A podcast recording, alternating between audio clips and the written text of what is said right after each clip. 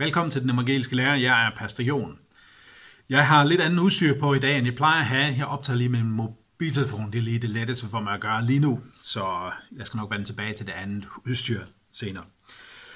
Sidste gang, der så vi på den rette lovprisning, og så som et forsvar for den liturgiske gudstjeneste og højmessen i særdeleshed. Det handlede meget om, hvordan den liturgiske gudstjeneste fremmer den rette lovprisning, og på en eller anden måde giver sådan rum for, øh, at vi kan få lov til at lovprise og lytte til Gud, møde Gud, og det handler om korset osv. Lidt lige meget, hvordan vi føler det, og hvordan vi oplever det, fordi vi kan bare komme ind i, i gudstjenesten. I dag vil jeg faktisk prøve på en eller anden måde at se på den anden side, eller øh, noget, som umiddelbart måske kan virke som det modsatte af, som jeg sagde sidste gang, men det mener jeg nu ikke, det er. Det er nemlig den rette lovprisning og forsvaret på den frie gudstjeneste, for den spontane gudstjeneste, for den følelsesbetonede gudstjeneste, om du vil. Der er nemlig nogle steder i øh, det nye testamente, som, øh, som jeg synes indikerer de her ting, og der skal være plads til de her ting. For eksempel noget et vers, som jeg allerede har været inde omkring før i nogle videoer.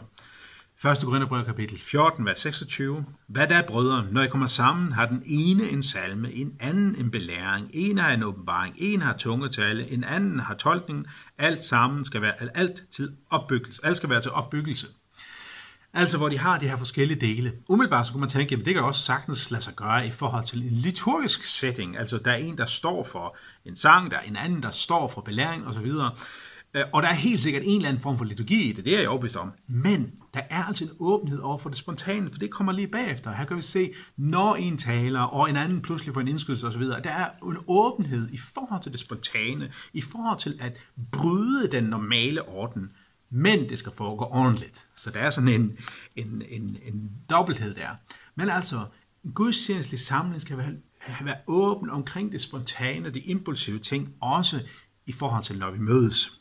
Ikke dermed sagt, at det skal altid være til højmessen, den høje messe, hvor alle kommer sammen. Det kan sagtens være til andre møder, og når man har en stor kirke, så vil jeg måske hvor den påstand, er måske det bedre at have det til andre møder i mindre settings. Øhm, så lidt i forlængelse af det her, så hører vi også om musikkens plads i forhold til, øh, i forhold til forkyndelsen. Efeserbrevet kapitel 5, vers 19, eller vi læser vers 18 med. Drik ikke beruset i vin, det fører til udskejelser, men lad jer fylde af ånden. Hvordan? Tal til hinanden med salmer, hymner og åndelige sange. Syng og spil af hjertet for Herren, og sig altid Gud Fader tak for alt i vor Herre Jesu Kristi navn. Brug sangene som et udtryk for jeres tak for, hvad jeres hjerte, altså det nye hjerte, er fuldt af. Det kan man selvfølgelig gøre i en liturgisk gudstjeneste, men jeg synes også, det åbner op for en, en mere mm, følelsesladet lovsang, at jeg får lov til at komme med de følelser, jeg har her nu. Betyder det så, at alle skal føle på den her måde? Nej. Men nogle gange får jeg lov til at komme på den måde. Og som en uddybning af det, der er sådan en paralleltekst også til den her Efeserbrevet kapitel 5, vers 19, det er fra Kolossenserbrevet kapitel 3, vers 16. Det læser vi ikke lige nu. Men altså, Kolossenserbrevet 3, 16 er en paralleltekst til Efeserne 5, 19.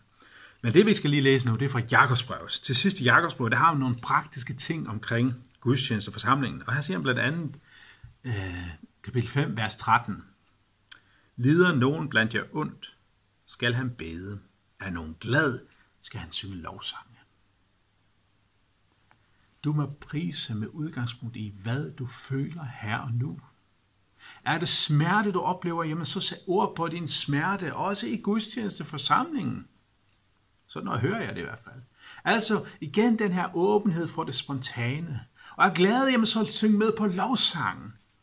Selvfølgelig kan man sagtens synge med på begge sange, lige meget hvordan man føler det her og nu. Men det er en opfordring til, når du er ked af det, så, så, så ignorer ikke dine følelser, men, men sæt ord på det over for Gud, og det samme med din glæde.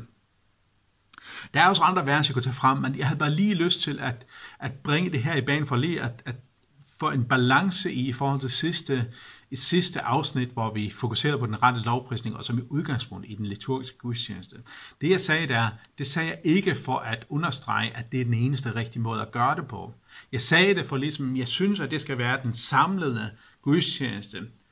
Det betyder ikke, at det nødvendigvis skal kun være gamle salmer og, og, og sådan noget, for at det kategoriseres med en højmesse. Det er egentlig ikke det, jeg mener, men den her liturgiske, velprøvede øh, gudstjenesteform er en rigtig god måde at lovprise på og give den rette øh, øh plads til lovprisningen, og derfor er det en god idé at have det som den øh, øh hvad skal man sige, høje masse, den, den samlingsgudstjeneste, man har i menigheden. Men jeg synes også, der skal være plads til det andet. Der bør være plads til spontanitet, der bør være plads til, at man kommer med forskellige indskydelser, vidnesbyrd, profetiske ytringer osv., og der bør være plads til, at man udtrykker sine følelser, at man har en følelsesladet lovsang osv. Det mener jeg faktisk også, at skriften åbner op for. Yes, det var bare en ganske kort video her fra denne gang. Øh, Gud velsigne jer.